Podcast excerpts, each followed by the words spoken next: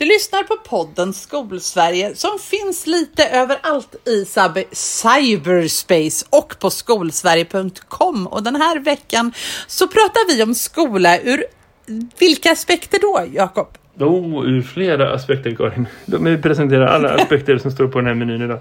Eh, vi pratar lite ja. grann om eh, liksom upploppet inför sommaren. Vi pratar lite grann om fokus och planering inför nästa år och vart vi behöver ha alla som jobbar centralt och vart deras fokus behöver ligga just nu. Och så pratar vi lite grann om utredningen om en mer likvärdig skola som har presenterats för ett tag sedan. Men som fortsätter diskuteras och det, det diskuteras åt alla håll samtidigt. Så då tänkte vi att det här får vi komma tillbaka till. Typ så. Det här är Skolsverige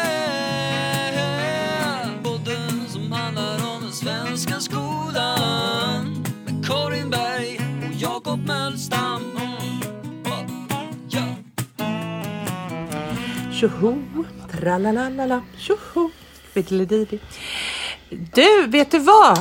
Jakob, jag tror att det är årets finaste dag ute och då sitter vi inne var och en på sitt håll eh, och spelar in podcast, för sådana är vi.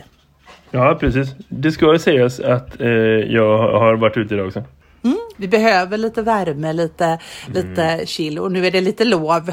Eh, Christer flyger till, eh, till månen, eller vad det nu är han gör. Precis, precis. Alltså det där är ju en alternativ högtid i mm. december. Krister flygare. Mm. Eh, eh Kristers eh, himmelsfärdsdag. Men, men så Kristi himmelfärd är eh, kan man säga en tvillinghögtid. Kanske mm. Sveriges mest meningslösa högtid. Ja, eh, ja. Om man tänker. Det är liksom bara ett par lediga dagar. Och det roliga är att mm. det är också en, en högtid, i alla fall i år.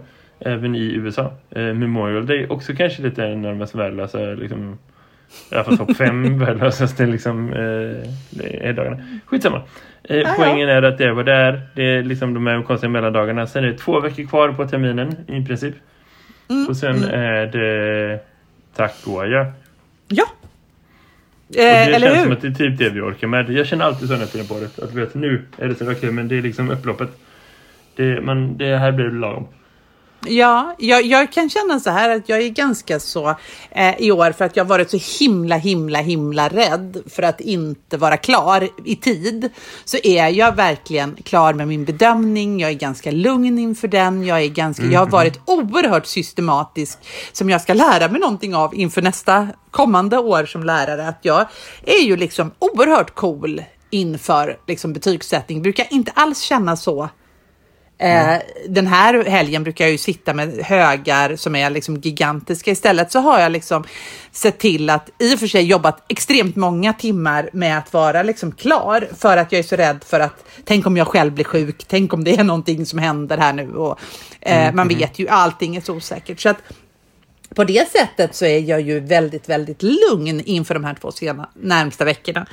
Eh, men sen är det ju en eh, massa annat som man sitter i möten av som man inte riktigt som känns liksom som surdegar som man inte riktigt kan reda ut. Så man undrar lite om man kommer att få gå på semester överhuvudtaget.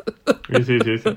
Ja, men jag känner någonstans att ja, men det, jag, jag håller med dig. Om man säger, jag känner mig ganska mm. väl förberedd för liksom bedömningsgrejer och så. Just för att mm. man behöver jobba lite mer systematiskt på bekostnad av något annat.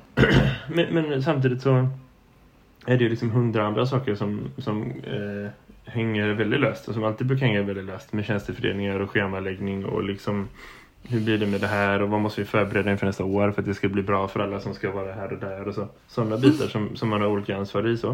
Mm. Jag är supernöjd att jobba på en skola nu där jag inte har något ansvar för teknik och utrustning så. Mm. Så annars brukar alltid det här tiden på att man ska samordna och räkna upp i prylar och enheter och, och sådana grejer. Mm, jag är mm, jätteglad för att det är någon annan som jobbar med det. Även om det känns som att det är ingen som riktigt har koll på det. Så, så är det ändå bättre än, än, än att behöva ta det själv. Mm. Eh, så, så det, och jag är naturligtvis planerat för det också för att de har lärt sig efter så pass många år i yrket att liksom, det kommer ett datum när oj, imorgon måste alla betyg vara satta eller liksom mm. ja, imorgon måste alla de här eleverna lämna in sina digitala prylar. De kommer inte ha någon ny förrän i september om de har tur. Liksom.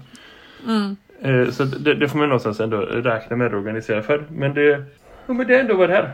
Och samtidigt mm. så finns det alla de andra diskussionerna inför bara liksom att se lite framåt. Hur vill vi ha det nästa år och vad måste vi ha gjort innan, innan vi går på sommaren för att vi ska kunna ha bra förutsättningar för nästa läsår. Sådana diskussioner mm. är ändå liksom påtagliga nu. Vi har några dagar i juni när vi jobbar med det men det behöver hända innan dess för att man ska kunna jobba med alla liksom, under de dagarna. Så, mm. så det, det, finns saker som händer. Eh, så. Mm. Ja, och, och, vi har ju hamnat i en sån här... Alltså vi måste ju planera för tre scenarier har vi kommit på. Dels stängt, dels helt öppet, dels stängt till 50 procent har vi räknat på. Alltså, stängt tänk, lite grann i alla fall. Så. Ja, stängt lite grann. Alltså så. Mm. Och vad, vad, innebär det för schema? Vad innebär det för liksom, tjänstefördelning? Vad innebär det för... Och, mm. men, men, men det sorgliga är väl att, att vi har liksom börjat att skissa upp det, men vi har ju liksom inte riktigt fått Alltså man undrar ju lite, det här påverkar ju budgeten också. Alltså det påverkar ju pengarna, mm. de reda pengarna och det skulle man ju gärna vilja att att alltså om man nu kan få använda den här podden till att ropa lite hoho, vi behöver ha den här diskussionen och den här diskussionen behöver vara ödmjuk för vi kan inte bara förvänta oss att, att det gick ju så bra, vi ställde om 17 mars så att det kommer att gå skitbra till hösten, utan det här kommer att innebära någonting för våra tjänster om det är stängt eller om det är någon variant eller så där. Så vi behöver liksom ha den diskussionen redan nu så vi vet vad vi kan för, förbereda oss för, tänker jag. Alltså, den huvudmannen som tar ansvar för det måste ju planera för att all utbildning kan stå inför de tre scenarierna egentligen. Så. För vi vet inte om ja. det blir bättre eller sämre eller om det är likadant och vad, vad som är vad. Liksom så. Och ser man det på en organisationsnivå så kollar man hamna någonstans i en mellansituation då. Så det är självklart att man behöver liksom börja fundera lite på det. Och jag förstår att man liksom i hela organisationen vill ha så mycket svar som möjligt just nu. Och jag förstår också att man som någon sorts liksom ledning i en sån situation inte kan tillmötesgå alla de önskemålen som finns. Men jag tänker att det är viktigt att man ändå börjar planera för det själv. Alltså får man ibland en känsla av att så här, här är det inte ens någon som har börjat tänka på det. För man bara tänker lite som Trump sa ganska korkat i början på våren att liksom det kommer bara magiskt över när det blir lite varmare. Du vet den grejen. Har man liksom den inställningen eller man känner så här det låter som att det är så de agerar så, så kan man bli nervös. Mm. Så egentligen liksom tror jag att ska man vara chef i den här situationen så räcker det med att man säger att så här det där är sant det du säger just nu. Vi måste fundera på det. Det finns en diskussion för det just nu.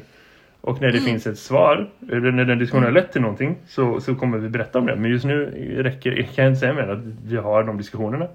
Och det mm. kommer att eh, bli så bra som vi kan göra det. Så det är inte himla komplicerat. Men man måste ändå visa att man tänker på det. För det räcker inte med att man liksom vet jag, bara, hur ska vi göra med avslutningar, hur ska vi göra med det här och så. Man måste släppa det. Det måste vara förbi, det måste ja, vara på ett genomförande är... stadie. Och så måste vi börja planera ja. inför vad händer sen. Så. Och det, då, det är miljoner frågor i det som vi inte liksom eh, har svar på. Men, men man måste ändå ta tag i det så snart som möjligt. Och det kanske är så. Man pratar ju inom vården om så här, hur, det, hur blir det med semestrar och liksom, hur ska vi mm. kunna organisera så att det ändå blir en bra funktion. Det kanske är på riktigt så att en del personer, inte lärare, men liksom andra människor som jobbar på centrala positioner mm. behöver vara lite mer flexibla med när man är ledig och inte för att kunna tillmötesgå att det kommer ta väldigt mycket mer arbete att förbereda för nästa läsår än vad vi hade ju behövt annars. Så. Förutom att jag gissar att hela svenska skolan med två miljoner människor ligger efter i sin planering, för det är där vi är just nu. Mm. För vi behöver lösa så många kriser och den tiden kommer från att vi inte har hunnit vara så systematiska i vårt liksom, planeringsarbete inför nästa läsår som vi hade velat ha. Så kommer mm. vi dessutom ha ännu fler frågor att besvara. Så det kanske är så att liksom man måste hitta på en lösning på det. Och då handlar det inte om att folk ska jobba gratis utan då handlar det om att liksom ersätta folk i tid eller pengar. Hur man kan göra för att liksom igen, inte lärare utan liksom folk som jobbar på centrala förvaltningar. Som, folk som har liksom ett ledningsansvar. Mm. Eh, kan göra ett så bra jobb som de kan innan augusti. För att det är nu deras tid kommer. Det är nu det de är liksom lite mer i fokus. Annars är de bara någon jävla supportfunktion för, för oss som gör mm. jobbet på riktigt. Men nu är det deras dags att jobba och då får de visa att de kan stega upp precis lika mycket som att alla lärare har stegat upp sen i mars när det här började och dessförinnan också. Liksom så. Nu är det deras tur att visa att de kan det. Ja, och det, och det hoppas jag verkligen att det är precis det som kommer att hända. För jag tänker ju att lärarna kommer att behöva ägna sin, sina sista veckor här nu åt att eh, faktiskt också se över stödstrukturer, se över, eh, vi ska liksom, eh, alltså vad, vad vad vill vi behålla från arbetssätten från i våras och vad vill vi liksom så att vi inte fastnar på golvet över ja, men hur gör vi med schemapositioner? Hur gör vi med? Det ska inte. Det är inte en lärarsyssla. Det är Nej. inte det. det och, och, det måste vi. Eller hur samlar vi in böckerna? Eller hur gör vi det här? Utan det är, det måste vi få hjälp med. Det måste styras och ledas och fördelas, inte bara på rektorsnivå utan ännu högre upp. Alltså man måste för, förstå för, det. Jag vill ändå liksom eh, lägga in lite så här, ja, vi måste vara lite noga när vi de, definierar och sorterar. De exemplen du tog upp just nu är två väldigt olika exempel. Det här med liksom, hur ska schemapositioner ligga och hur ska vi samla in mm. böcker och grejer. Om vi bara tar mm. de två som är två exempel på två olika saker på någon sorts skala över liksom mm. i världen av saker vi behöver göra hur schemapositioner så ska ligga, det ska inte lärare ha. Det är klart man ska vara medbestämmande, man ska måste få vara med och påverka och ge sitt perspektiv på saker. Men sen är det någon annan som ska planera och genomföra mm, och du ska mm. göra det utifrån liksom kunskap och kompetens och perspektiv som inte alla lärare har. Och det, det fattar mm, inte mm. alla lärare för vet, man är liksom expert på allt och vill läsa allting själv men man vill ändå få allting serverat någonstans. Om man ska vara lite så här, mm. självkritisk mot vår yrkeskår att ja men där måste vi ändå vara liksom noga mm. med att jo men det finns folk som är experter på det det här behövs en central mm. organisation. När det kommer till mm. så här, hur samlar vi in böcker och grejer. Det är mm. också skitsvårt att sitta på liksom en utbildningsförvaltning någonstans och bara okej okay, vi har 120 skolor eller vi har 20 Nej. skolor eller vi har fem skolor alla måste göra så här. Det där går inte att göra heller. Där måste någonstans ändå lärare och skolor kunna ta ett eget ansvar för att här, vi kan hantera sådana saker utan att det är så jävla svårt. Även om inte ja, fast... det är liksom det vi är utbildade för på universitet så är det ändå sådana administrativa frågor som är det är liksom en annan, Fast, det är annan, annan, annan skalan. Du krävs ingen expert för att på det. Jo, fast vänta lite. Jag vill bara så att jag förtydligar här. Vi har en administrativ, alltså vi har ju ett bibliotek som de senaste, med tre bibliotekarier som de senaste, eh, ja, sen jag vet inte, i alla fall fem åren har skött all form av insamling av litteratur och utdelning av litteratur för att hålla genom ett systematiskt system och hur de organiserar det och kallar in klasserna till det. Det är faktiskt deras arbetsuppgift och inte lärarnas arbetsuppgift på våran skola. Karin, om det finns 150 skolor ja, i ja. så är det 140 som inte har den funktionen. Så därför du tänka att det finns liksom en annan... Ja, jag, jag kan tycka att det är en rimlig funktion att ha faktiskt. Ja, jo, jo, men om alternativet är att vi ska anställa... Om, så du säger det är tre personer på er skola. Nu är ni en stor skola. Säg att det skulle innebära 200 personer. Då är det 200 färre lärartjänster. Om man ska ta ett ekonomiskt perspektiv Nej, på det. Men, ja, fast det tycker så, jag inte. Det tycker ja, jag. Bara, ska, vi bara, ska de jobba gratis för att de gillar det? Nej, jag tycker att det ska finnas. Jag tycker att alla skolor ska ha. Jag tycker det, det är, en, är en skolrättighet. Att det ska jag tycker det borde stå i skollagen att det borde ja. vara en bemannade skolbibliotek och inte bara att man ska ha skolbibliotek. Ja. Absolut, det är vi helt överens. Men om man ändå tänker att det finns en realitet för de absolut flesta, vågar jag påstå, i den här yrkeskåren där det inte är så. Man har en bibliotekarie på heltid som man kan jobba med. Nej, och då tycker jag det är skit, då, punkt. Då tycker jag det är ja, skit. Jo, men, men, det är också en organisation som, som det kommer någon annanstans i det. Men hur som helst, ja. vi får se lite vad som är det. Men det är... Mm. Eh, har man någon sorts centralfunktion då är det nu man har ett ansvar. Dags att step up. Eh, ja. Så. Mm. men ändå, om vi ska tänka vidare så finns det ju många nivåer som händer saker eh, på samtidigt naturligtvis. Mm. Och det är lite gött ändå att liksom andra frågor börjar få ta mer plats i skoldiskussionen också. Ja. Om vi bara har pratat liksom krishantering i ett tag nu så känns det som att det är ändå skönt att det börjar komma tillbaka eh, mm. liksom diskussioner. Jag mm. svär tio fingrar upp till Gud att jag, jag rullade förbi en kepsdebatt häromdagen på eh, eh, sociala medier bland lärare. Eh, och då kände jag så här, ja men det här är ändå liksom en av få tecken på att lärarkåren är tillbaka till att det här med corona inte upptar så himla mycket tid längre. Tyvärr kanske man ska säga. Vi hade hellre fortsatt med liksom eh, tre månader till av coronapanik. Men, men, men ändå, vi är på väg någon annanstans. Mm. Eh, och vi ska inte ge oss in i det svarta hålet utan bara konstatera att hopp, där var den och så går vi vidare. Mm. Eh, och så finns det flera andra diskussioner att prata om istället. Du, jag lärde mig ett nytt ord den här veckan. Ja? Eh, coronarabatt. Coronarabatt. Ja. Vad, vad, vad, lägger du för värdering i det ordet? Vad lägger du för betydelse i det ordet? Ja, alltså det kan ju vara så här, vi har coronarabatt på fiket mitt emot oss. Eh, då får man kaffet lite billigare nu än vad vi fick innan. Varför? Eh, för att de säljer så lite kaffe och det finns så få så att vi ska köpa, istället för att vi, vi tar kaffet gratis i vårt personalrum så kan man gå och köpa, du vet, en god latte mm. och så får man coronarabatt för att hon ska överleva tvärs emot. Så. Ja, ja. Mm. så det, det är en coronarabatt, men jag tänker kanske när du säger det och eftersom du säger det i den här podden att det kan handla om coronarabatt när det kommer till betyg. Mm. Eh, det, men det var ju bara för att, du, att man tänker att ja, de behöver inte göra alla kunskapskrav, de fick en coronarabatt.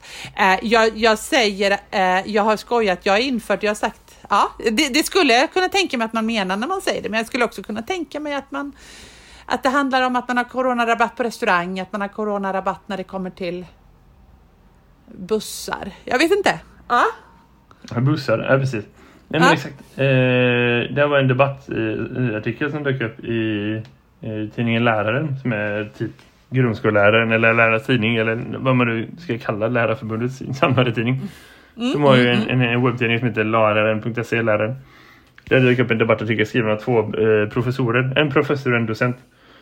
Mm. Eh, som menar på att liksom eh, om skolan bara digitaliserar lite mer så eh, behöver vi inte liksom sänka ambitionsnivån. Du behöver inte sänka några förväntningar utan då eh, det är helt lugnt att köra på som vanligt och det är asviktigt för att skolan eh, är viktig för eleverna för att eleverna ska lära sig och vi kan inte ha unga människor som växer upp och lär sig mindre utan de måste lära sig liksom lika mycket. Den biten kan jag förstå. Men, men, men idén att liksom resten av samhället är så här, men vi gör så gott vi kan men i skolan så är det liksom full verkstad som vanligt det är komplicerat såklart. För det innebär att man, man tar för givet att, liksom, att lära och att vara inte är relaterat till varann. Att du kan liksom existera i en konstig värld men inte påverka så fort du går in i ett klassrum. Va? Att, mm. det, att, lära, att undervisa och att vara inte skulle liksom samverka. Att lärare skulle kunna mm. gå in och leverera 100% perfekt undervisning som vanligt för att det är ingenting som händer runt omkring. Fast att du kanske har familjemedlemmar som mår dåligt. Kanske att du är du orolig för din egen hälsa? Liksom. Det, det bara checkar du ut så fort du går in över tröskeln. Och att man naturligtvis också tänker att hela vår organisation är frikopplad från resten av samhället. Och det är ju lite märkligt, oavsett om man jobbar på distans eller inte. Mm. Så det, det, är väl liksom en grej. Men i det så menar rubriken i den här artikeln är Ska dagens elever verkligen få en coronarabatt? Frågetecken. Mm. Eh, och efter det så har jag sett i flera olika sammanhang och diskussioner runt omkring.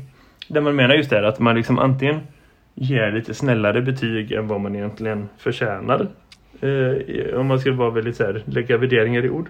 Mm, mm. Eller att man helt enkelt sänker liksom innebörden av vad kurser ska vara. Det finns ju två vägar man kan gå till. Man säger, jo, jo men du har godkänt. Du har visat godkänt på det mesta som du visat hittills. Jag sätter godkänt fast att det kanske inte egentligen är det.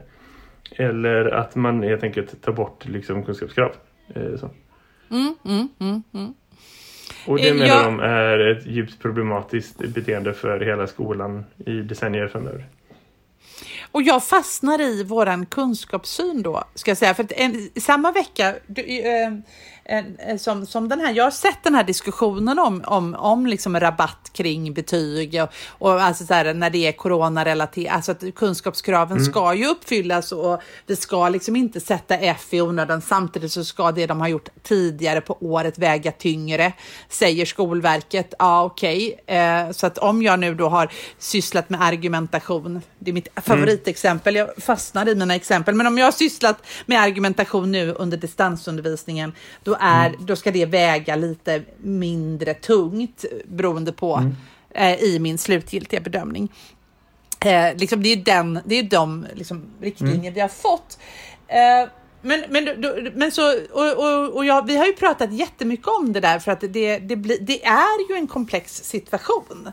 Eh, mm. Och det, det, är inte så att vi kan liksom översätta den digitala undervisningen eller den distansundervisning eleverna har fått med den de har fått i, hade fått i klassrummet på, av så många olika skäl mm. eh, som, vi, som, som vi har pratat om i den här podden så många gånger. Men eh, det som jag tänker på är, eh, jag kommer till ett exempel i mitt huvud hela tiden, för när jag gick mm. i årskurs åtta, mm. tror jag det var, eh, så var det en, alltså årskurs sju eller årskurs åtta, jag gick på högstadiet, eh, mm. så var det en stor strejk i Sverige eh, mm. som pågick i åtta veckor. Eh, tror jag, om jag inte missminner mig. Så vi hade mm. ingen undervisning alls i åtta veckor. mm. en vår. Vi hade alltså inte en enda lektion överhuvudtaget eh, under den här tiden. Mm. Eh, och det gick, och, och, men vi fick ju våra, det var ju aldrig en diskussion om att vi inte skulle få våra betyg för att på den tiden så hade vi det som hette relativa betyg. Man satte alltså betyg på den som var bäst fick högst och den som var sämst. Alltså du vet, den som hade presterat Så när alla blev sämre så var det ingen fara? nej, nej, nej men precis, alltså hade de liksom gjort, man slog ihop sina prov och den som hade gjort Alltså du vet, hade du 40 poäng på provet så var du bäst och fick du femma och så hade du 43 då så fick du fyra mm. och så gick det ner då.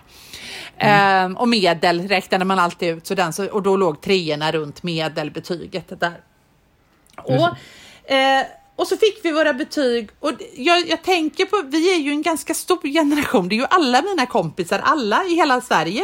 Alla ni är lite, lite dumma i huvudet, är det det du säger? Ja, eller, eller så var det, jag vill inte säga det, utan jag skulle snarare säga att fan, gick det någon nöd på oss de här åtta veckorna?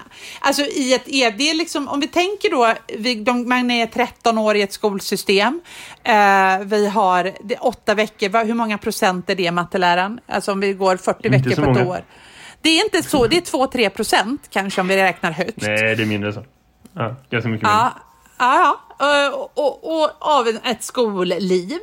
Och då mm. kanske det, det blir någonstans det här när vi säger att de missar den här gigantiska kunskapen. Snarare är det ju så att jag blir mer och mer så här, det kanske inte var så dumt med de där relativa betygen. Som, som liksom där man satte, den som var bäst fick högst betyg. Och för vi hade ju aldrig den här betygshetsen, vi hade ju aldrig den här diskussionen kring, alltså vi hade ju centrala prov som reglerade hur många som var bäst i en klass. Det ska mm. ju sägas också att man hade, vi hade ett snitt på 4,2 när jag gick natur på eh, då, lite några år senare.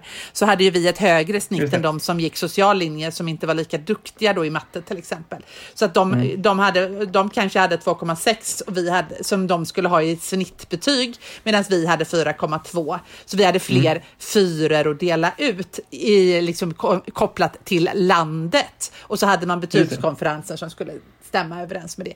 Men någonstans, alltså när man tänker på det utifrån det, mm. så kan jag känna att ja, det är viktigt.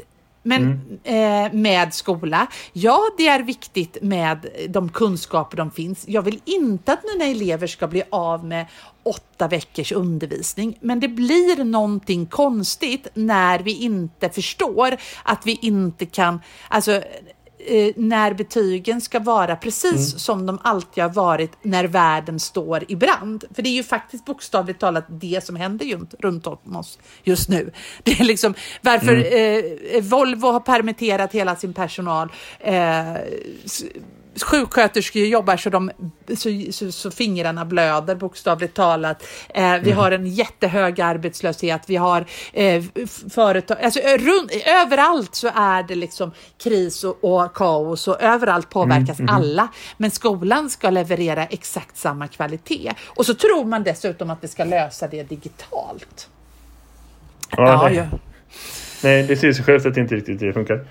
Eh, Nej. Så. Det finns många aspekter av det. Jag räknar inte på det medan vi pratade. Ungefär en och en halv procent är åtta veckor. Om man utgår från att ett läsår är 40 veckor, vilket jag tror är lågt räknat.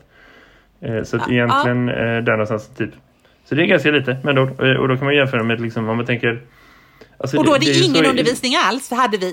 Då, nu har de ju haft undervisning, så det är ju ja, ganska... Men någon sorts undervisning. Men, men, ja. absolut, men, men jag tänker också så här, liksom, det där hänger ju upp med hur skolan är organiserad och strukturerad överhuvudtaget. Kolla bara mm. på liksom timplaner och kursplaner och så. Det finns ingen vettig människa som kan säga att du behöver ha 6890 timmar för att nå upp till grundskolans mål. Så det är ju Nej. ingen forskning som ligger bakom det. Det är ingen universell sanning. Nej. Så skulle du tappa liksom en procent av det, då är det 70 timmar. Ja, då är du nere på 6800 ett år. Det, ja, det, det jaha, okej. Okay. Så det, det, ja. det, är vad det, det, det är vad det är, helt enkelt. Det är väl liksom en sammanfattning någonstans. Eh, så. Ja, men, men om jag ska gå vidare i världen av galenskap, Karin, vi bara ja. hålla lite tempo för det är för mycket galna grejer som händer samtidigt för att ja, vi ska kunna höra, eh, höra, fastna i en grej. Mm. Det här är rubbat och så bara går vi vidare. Eh, ja. Vi ska prata om eh, friskolor. Det har ju hänt en del, vi har pratat lite om det eh, de senaste eh, avsnitten ibland. Mm. Den här utredningen som har presenterats, Björn Åstrand heter han så, eh, som mm. varit utredare. Mm. Som har haft en grupp människor med sig men, men liksom som har ändå varit ansvarig. Som har presenterat ett förslag på hur man skulle kunna liksom organisera om systemet med att ha lite friskolor och lite offentliga aktörer som liksom jobbar tillsammans i en skola. Så. Mm. Eh, och där finns det ett par olika förslag och det är väldigt massa olika debatter och diskussionsinlägg. Och mm. det, det, figurerar en hel del sådär, men det där är inte det som står nej, nej, precis. i det samtalet. Och därför känns det som att det är värt att komma tillbaka till. Ja. Dels för att någonstans bara reda ut och sprida igen sig vad är det egentligen som är förslaget. Vad är det mm. vi, mm. som våra liksom, chefer har att förhålla sig till, våra politiska chefer.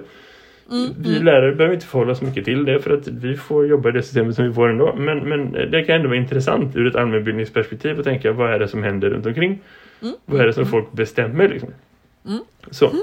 Och då kan man tänka att om vi börjar liksom från början så har vi ett väldigt udda system i Sverige där det är få länder i världen som, som har någonting i närheten av det vi har. Att man liksom får statliga pengar för att täcka hela kostnaden av att driva en friskola, en privatskola för Eh, så, och det är inte heller reglerat att de pengarna måste gå till utbildning utan det finns eh, möjlighet att ta ut vinst som en del av det. Eh, så det finns historier det... om att liksom friskoleföretag har haft som policy att man tar ut 10% vinst varje år från varje enhet oavsett hur det går. Där det liksom mm. inte är, är, är, kopplat till eh, liksom resultat eller liksom Alltså att du levererar den produkten som du tar betalt för att leverera utan att man, man det finns varje år. För att det, det liksom är ganska oreglerat hur man ska göra. För det första och för det eh, andra, jag vill bara säga det också, att, mm. att det är dessutom så att friskolorna i ett svenskt system också mm. utvärderar sig själva eftersom det inte är som IB att man gör slutprov och att betygen sätts, Nej. utan man sätter betyg Alltså alla verksamheter sätter sina egna betyg, inte bara friskolan utan hela, hela skolsystemet utvärderar sig självt också. Eh, och ovanpå det så blev det i, efter lite, du ihåg, i precis vid årsskiftet så fanns det ett par rättsfall där det visar sig att en hel del av de är liksom insyns... Eller fakta som man vill veta för att kunna ha insyn. För att kunna se hur det går egentligen. Mm. Eh, ska klassas som företagshemligheter. Så det är inte ens självklart att man liksom har rätt att ta del av så här, hur går det för eleverna här. Eller liksom på vilka grunder går det som det går. Eh, så. Eller hur? Så, så det är ganska, o, det är ganska så... Eh, oreglerat och det är ganska udda. Hade, om man jämför en parallell som är inom en annan värld, nämligen så här, coronastrategier och lockdowns och grejer, så är ju Sverige också ganska udda. Om man pratar i hela världen om så här, hur kan de göra på det här sättet. Ja. Och, och, och liksom någonstans i slutsatsen säger att ja, men om några månader så vet vi. Och då, om några år så vet vi, då kan vi se hur det har gått. Mm. Och då kan vi också utvärdera och se vad, vem som är bäst. Och vi har liksom folk som på daglig basis står på presskonferensen och förklarar att så här, jo men kolla, vi, vi omvärderar hela tiden, vi tar ingenting för givet, vi ser vad som händer och måste vi göra förändringar, då gör vi förändringar men liksom det ska närma oss pragmatiskt och det kanske är det som är det svenska då, det kanske är det som är någonstans på något plan förutom eh, rå politisk vilja är orsaken till att vi har det skolsystemet vi har. Skillnaden mm. ligger i att det är ingen som pratar om att vi har ett helt absurt skolsystem som ingen annan har. Eh, så. Eh, och att vi har inte liksom dagliga presskonferenser där man liksom vet, har samlat de smartaste personerna till att varje dag utvärdera hmm, gör vi rätt, gör vi fel, ska vi göra några förändringar? Utan det har tagit decennier från det att vi inför det här systemet till att vi nu är framme till att hmm, Kanske ska vi prova version 2 då. ja, men det har tagit 30 nu, år av skenande likvärdig, bristande likvärdighet. Ja. Alltså, vi får ju liksom inte glömma bort, vi har pratat om, vi har haft, vi har, Mattias Samuelsson har vi ju gjort en intervju med i den här podden som man kan scrolla tillbaka till om den här utredningen som kom redan 1992 där man varnade för gör ni det här bytet så, så kommer det här och det här och det här att hända och allt det de varnar för ska hända har ju faktiskt hänt i svensk skola. Eh, OECD då. Mm. Så, så att, där är vi någonstans det, då. Och, och så, då har man för flera år sedan bestämt sig för att vi ska utvärdera och se vad som händer. Och nu har den här liksom, utredningen presenterat sina förslag. Och konkret, mm. vad är förslagen? Ja, men konkret är väl förslagen, alltså det är lite olika förslag. Eh, ett, ett förslag är att skolvalet inte ska få regleras via kö, alltså att varje mm. skola mm. själv ska få ha en kö, utan att man mm. ska ha precis som när man väljer till typ gymnasieskolan, att man har mm. en, ett regionalt, alltså ett fönster mellan du vet, den här och den här datumet så väljer man skola och sen fördelas då de platserna regionalt. Alltså man har liksom ett antagningssystem. Att, eh, då, Och då blir det liksom, eh, är det fler som har valt än vad eh, vad som finns platser så är det då Mm. eh, närhetsprincipen ska beaktas, syskonförtur Mm. ska beaktas eh, och så var det några andra saker till. Och sen kan man om man vill enligt det här förslaget eh, så kan man få som, som då aktör, fristående aktör så som kommunal aktör få lägga till att man faktiskt vill att eh, social Alltså att man vill, vill kvotera in med, eh, elever som har eh, en socialt utsatt situation. Det kan man Just få det. göra enligt förslaget om man vill. Det är alltså upp till varje enskild huvudman att bestämma om de vill göra det eller inte. Och då handlar det om att liksom öka eh, eh, liksom insatserna för att minska segregationen. Om jag säger så Precis. då. Istället för, Ja. för att som idag antar skol, eh, friskolesystemet och att skolvalssystemet har en segregerande effekt. Att vill man Precis. liksom känna att så här, men här vill vi att det ska liksom finnas en större variation, här vill vi att det ska finnas en bättre spridning i förhållande till hur samhället ser ut. Då har Mm. man möjlighet att göra det, men inte åt andra hållet. Det finns några saker till. Man, har infört, men först man ska införa ett eh, skolval för alla. Att alla, Mm. alla vårdnadshavare och alla huvudmän ska delta och så. Och att Mm. det ska administreras av Skolverket. Och så pratar man om att man slår, slår samman flera eh, riktade statsbidrag till sektorsbidrag. För att det har inte mindre aktörer möjlighet att liksom söka på det sättet. För det, det små kommuner och små företag har inte möjlighet att liksom i praktiken följa alla de statsbidrag som finns och att liksom lägga den tiden som krävs för att söka vilket gör att massa pengar fryser inne.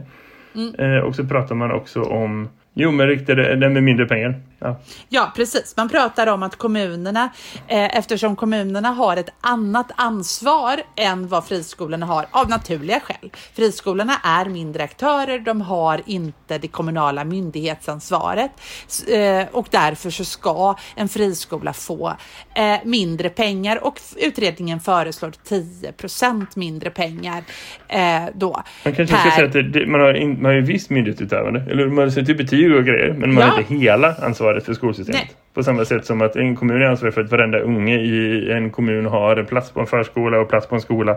Mm. Och om en skola snabbt måste stänga så måste det finnas platser att sätta andra elever på. Vilket innebär kostnader som inte eh, friskolor behöver ta. För att lägger du ner så lägger du ner och så är det see you later, alligator och så är man klar. Men, Ja, men så och kan det, inte en kommun det är göra. ganska, nej, och det är en ganska självklar sak. Och det är ju, Ja. och det, men, men det är också ganska spännande tycker jag. För jag kan ju inte till och med ställa mig lite kritisk till att liksom, utredningen bara, ja det är 10 procent kronor och ören. Eh, för det tycker jag någonstans eh, blir, eh, blir lite, lite liksom så här, hur vet man det? Vad är det för siffra? Men okej då, för att eh, från början var det 85 procent, alltså 92 så fick friskolor 85 procent av, av vad en elev kostade per elev då. Eh, för att man räknade att andra var overheadkostnader som kommunen har. Och nu är det ingenting. Och nu föreslår man då 90 procent. Så det är liksom 5 procent mindre än vad det ursprungligen var då. Så att det, det, men men det, det är väl en schablonsumma som man måste ha, eh, kan tänka. Eh, Men... Alla måste göra samma. Så det vill bara sätta någon siffra överhuvudtaget. Sen får man väl anpassa det när det systemet väl finns på plats. Tänker jag. Ja men eller hur. Och nu, och nu är det väl så. Sen kan jag ju också, hade jag väl också önskat, jag som är lite kritisk till det här systemet, att vi inte skulle räkna per elev. För det blir så himla stökigt. Eh, när du räknar, alltså ekonomin blir så fruktansvärt sårbar om en elev slutar eller en elev flyttar. Det är väldigt svårt att bedriva långsiktighet när du, är, när du får betalt per elev. Men det har inte utredningen föreslagit någonting annat. Men, och det hade jag väl önskat, men jag, jag är glad för den här. Jag tänker ändå att det här är ändå eh, intressanta förslag.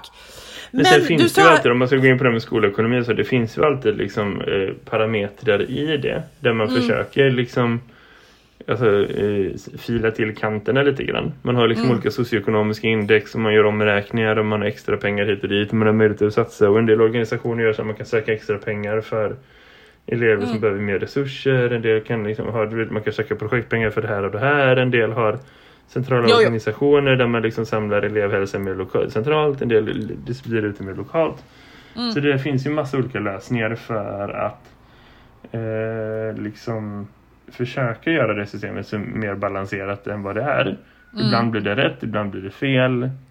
det är svårt att liksom få till ett bra system. I Göteborgs stad så beräknas det socioekonomiska indexet en gång per år. Mm. Eh, vilket är superrimligt för skolor som liksom inte förändras mycket. Mm. Men, men om man har en skola där det sker en snabb förändring så kan det innebära mm. att det tar ganska lång tid innan man liksom gör anpassningar åt endera hållet. Men det är också så, ja, men samtidigt ska man skita det. Nej, det är bättre att det finns någonting. Men och, så gör man det hela tiden så här, hur gör man det bättre och bättre? Är du? Ja, nej, men absolut, absolut. Jag släpper det. Men du, jag, vill, jag, är, jag är mer intresserad av, för jag tycker ändå att det här förslaget är intressant och jag tycker ändå att det här är ändå ett politiskt genomförbart beslut, beslut tänker jag. Att det här, mm. eller förslag. Jag tänker ju att det här förslaget ändå måste, eller? Borde det inte vara ett ganska genomförbart eh, beslut? Det är ju inte så att de säger vi skrotar friskolorna. Jag kan inte bedöma det politiska liksom, eh, aspekten av det för att jag jobbar inte med sånt och jag jobbar ganska hårt här, som människa på att hålla mig borta från, från politiska diskussioner. Men, ja. äh, för partipolitiska, men, men, om man tänker liksom eh, våra fackliga företrädare eh, mm. skrev gemensamt en debatt, debattartikel som vi pratade om för ett tag sedan som avslutade med att liksom de enda som har att förlora på det här är friskoleföretagen. Alla andra vinner. Så känns mm. det som att det hade varit bra om det genomfördes. Inte för att mm. jag tycker så himla illa om friskoleföretag, för det gör jag faktiskt inte. Men, men mest för att det, det, är inte de som är nummer ett. Liksom, eller så. Det känns som att det finns en hel del personer som jag bryr mig mer om i det här systemet. Exempelvis 1,2 miljoner elever, ett par hundratusen lärare. Liksom så. Eh, ja, nej, men jag bryr mig inte om friskolor. Nej, men jag kan ju tycka att det finns ett problem med friskoleföretagens mm. stora vinstuttag. För mm. att det är en orimligt stor vinstuttag jämfört med den omsättning de har till exempel. Mm. Det är ju som en, en, det är inte en företagsmodell. De tar ingen risk men de får ut väldigt hög avkastning mm. och det tycker jag, det, utifrån ett företagande så kan jag mm. tycka att ställa mig lite frågande till det. Så, så det inte, handlar ju inte om att friskolor bedriver dålig skola utan det mm. handlar om en märklig modell helt enkelt. Mm. Ja.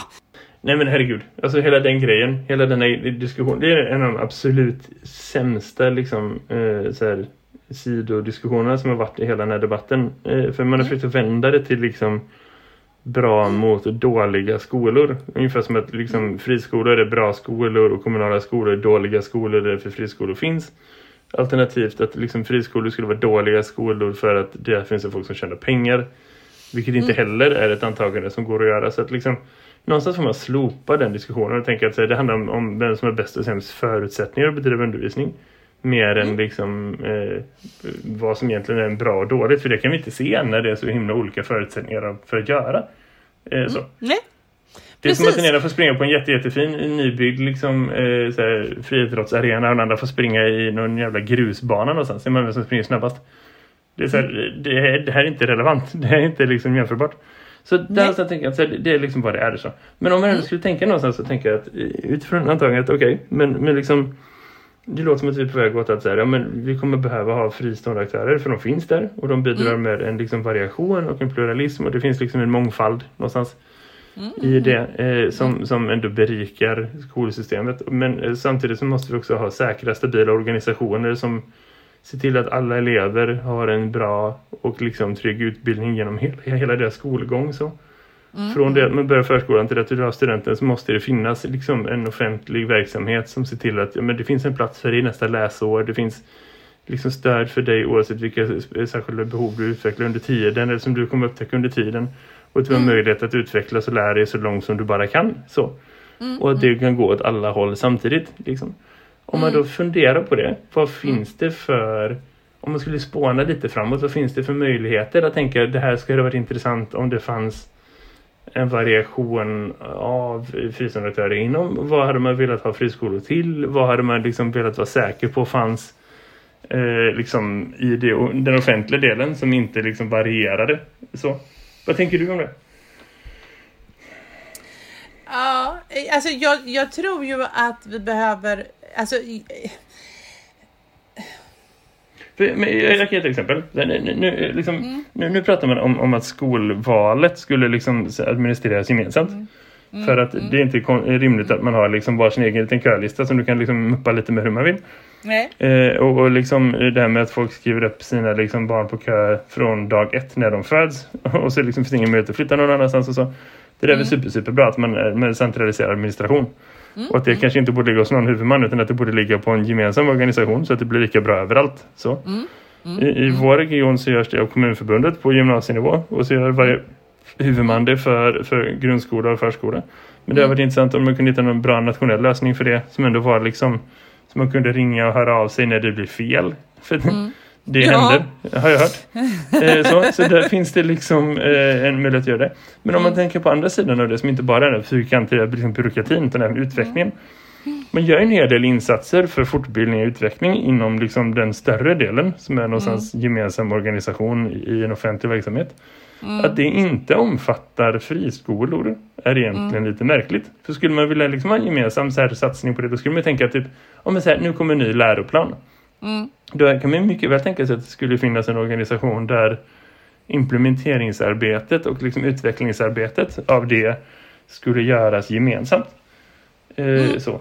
För att det ja, finns jag... ändå en hel del att lära sig att vara i närheten av varandra. Jag jobbar så finns det tre skolor inom 200 meters avstånd.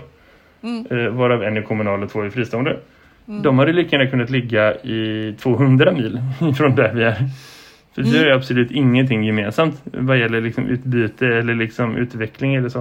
Och jag mm. förstår att det är också en ekonomisk fråga för att liksom en del av mina elevers skolpeng samlas i vår gemensamma förvaltning och det, det bekostar människor som jobbar med att ta fram det. Och då om de mm. pengarna portioneras ut till företag eh, och organisationer i närheten så, så kan mm. inte de ta del av det.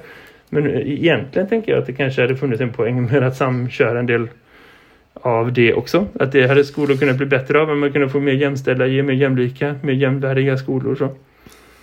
Ja, och får vi en, en, en, mer, en, en mer organisation där vi... Alltså problemet är ju nu på mm. något sätt att vi allihopa har ett fokus på, på företagande inom skolan. Mm. Alltså att det blir ett företag istället för att vi satsar på eh, eh, den, den bästa utbildningen som går att få. Jag, jag tänker ibland på, eh, ibland kan det ju bli så där man vill åka tillbaka i tiden. Ibland så skulle jag vilja åka tillbaka i tiden till ett samtal jag hade med Michael Fullan eh, som är en sån här kanadensisk eh, skolguru 2012 för jag, då, och då hade jag liksom inte tänkt så mycket på skolorganisation 2012, mm. utan då var jag mest ung och arg.